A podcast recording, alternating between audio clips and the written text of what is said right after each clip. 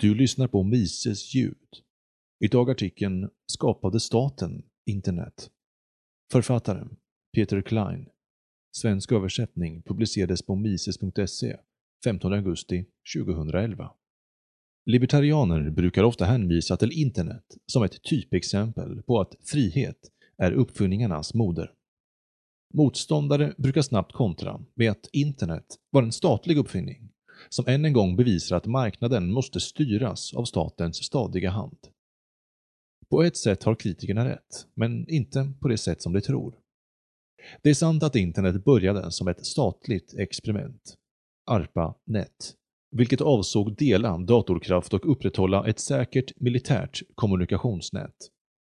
ARPANETs upphovsman hade förstås inte kunnat förutse det kommersiella internet vi har idag. Det är en viktig aspekt av hur internet fungerar och även en förklaring till varför det finns så många hinder för den fortsatta utvecklingen av online Det är bara tack vare marknadens aktörer som internet blev något annat än bara ett vanligt, ineffektivt, överutnyttjat och överfinansierat statligt experiment som inte fyllde någon praktisk samhällelig funktion. Faktum är dock att statens roll i skapandet av internet ofta underskattas. Internet har staten att tacka för sin blotta existens. Det hela började med att ARPA, Advanced Research Projects Agency Network, som inrättades 1957 som ett svar på Sovjetunionens uppskjutning av Sputnik och skapades för att forska kring en effektiv användning av datorer för civila och militära tillämpningar. Under 60-talet hade Rand Corporation börjat fundera på hur man kunde utforma ett militärt kommunikationsnät som skulle vara osårbart vid en kärnvapenattack. Paul Baran, en Rand-forskare vars arbete finansierades av amerikanska flygvapnet, producerade en sekretessbelagd rapport 1964 där han föreslog en radikal lösning på detta kommunikationsproblem. Baran föreställde sig ett decentraliserat nätverk av olika typer av värddatorer utan någon central växel, utformat för att fortsätta fungera även om delar av nätverket förstördes. Nätverket skulle bestå av flera noder av likvärdig betydelse som kunde skicka och ta emot databitar. Varje datafragment kunde därmed skickas via ett av flera olika vägar till målet, så att ingen del av nätverket skulle vara helt beroende av någon annan del. Ett experimentellt nätverk av denna typ som finansierades av ARPA och som därav kallades ARPANET inrättades vid fyra amerikanska universitet år 1969. Forskare vid samtliga av dessa fyra noder kunde dela information mellan varandra och styra alla de andra maskinerna på distans över det nya nätverket. År 1972 hade antalet ARPANET-anslutna värdedatorer ökat till 37 stycken. Eftersom det gick så enkelt att skicka och ta emot data gick ARPANET igenom loppet om några år från att vara ett nätverk för delad datorkraft till att snarare bli ett statligt subventionerat e-postkontor. Den huvudsakliga trafiken på ARPANET utgjordes inte av databehandling, utan nyheter och personliga meddelanden. Allt eftersom delar av ARPANET öppnades upp och inte längre var hemligstämplade började kommersiella nätverk snart ansluta till det. Alla typer av datorer med en viss kommunikationsstandard, protokoll, kunde skicka och ta emot information över nätverket. Utformningen av dessa protokoll lades ut på entreprenad till privata universitet som Stanford och University of London och finansierades av olika federala myndigheter. De större trafikledarna fortsattes dock att finansieras av försvarsdepartementet. I början av 80-talet hade den privata användningen av ARPA-protokollet, det som nu kallas TCP, IP, vida överstigit det militära bruket. 84 tog National Science Foundation på sig ansvaret att bygga ut och underhålla stambanorna, stamnätet. ARPANET upphörde formellt att existera år 1989, vilket knappast någon märkte av på den tiden. NSFs Office of Advanced Computing finansierade internets infrastruktur från 1984 fram till 1994, då stamnätet privatiserades. Kort sagt var både utformningen och införandet av internet nästan helt beroende av statliga pengar.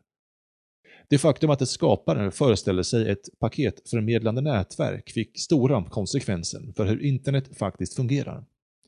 Till exempel är paketförmedlingen en bra teknik för filöverföringar, e-post, webbsurfing, men mindre bra för realtidsapplikationer såsom streamat video och ljud och i mindre utsträckning serverbaserade applikationer såsom webbmail, Google Earth, SAP, PeopleSoft och Google Spreadsheet. Dessutom övernyttjas nätverket på grund av att det saknas en mekanism för prissättning av individuella paket, precis som i alla statliga tjänster. Varje paket tilldelas därför samma prioritet. Ett paket som innehåller en kirurgisk diagnos av en akutsjuk patient har exakt samma chans att komma fram som ett paket som innehåller den senaste Coldplay-singeln, eller instruktioner från en online-spelare om att slå någon av sina fiender. Eftersom användarens marginalkostnader för varje överföring är lika med noll överutnyttjas och överbelastas ofta nätverket. Precis som alla andra ägarlösa resurser lider ett öppet paketförmedlande nätverk av vad Garrett Hardin kallade för allmänningarnas dilemma. På intet sätt kan vi säga att paketförmedlande är rätt teknik. Ett av mina favoritcitat kring detta ämne kommer från Netbook, en semi-officiell beskrivning av internets historia. Citat. Det nuvarande globala datornätverket utvecklades av vetenskapsmän och forskare och andra användare som var fria från marknadskrafterna. På grund av statens tillsyn och subventionering av nätets utveckling befann sig dessa nätverkspionjärer inte under någon tidspress eller andra begränsningar som kommersiella satsningar alltid måste ta hänsyn till. De kunde därför bidra med den tid och arbetskraft som behövdes för att se till att problemen blev lösta och de flesta gjorde detta i syfte att bidra till nätverkets användare.” Slutcitat. Med andra ord var internets upphovsmän inte begränsade till att det som producerades tillgodosåg konsumenternas önskemål. Vi måste akta oss för att beskriva internet som en privat uppfinning, en spontan ordning eller ett lysande exempel på kapitalistisk uppfinningsrikedom. Ty internet är ingetdera. Naturligtvis har nästan alla dagens tillämpningsområden av internet utvecklats av den privata sektorn och kunde inte ha förutspåtts av dess ursprungliga grundare. Tyvärr var den ursprungliga webben och den första webbläsaren ett undantag som utvecklades av det statliga finansierade Europeiska laboratoriet för partikelfysik, CERN. Och dagens internet skulle vara omöjligt utan Xerox, Parks och Apples heroiska insatser för att utveckla ett användarbart grafiskt användargränssnitt, GUI, en lätt och tålig mus samt Ethernet-protokollet. Ändå skulle ingen av dessa uppfinningar varit möjliga utan de stora statliga investeringar som gjorde att nätverket uppstod från första början. Nu är det förstås lätt att beundra teknologin bakom internet. Jag förundras över det varje dag. Men tekniskt värde är inte detsamma som ekonomiskt värde. Det ekonomiska värdet kan bara avgöras av konsumenternas fria val att köpa och inte köpa. ARPANET kan mycket väl ha varit tekniskt överlägset alla kommersiella nätverk som fanns på den tiden, precis som Betamax kan ha varit tekniskt överlägset VHS eller MacOS kontra MS-DOS, eller Dvorak kontra QWERTY. Dock var Dvorak egentligen inte överlägset. Men de produkter och de funktioner som värderas av ingenjörer är inte nödvändigtvis detsamma som konsumenterna uppskattar.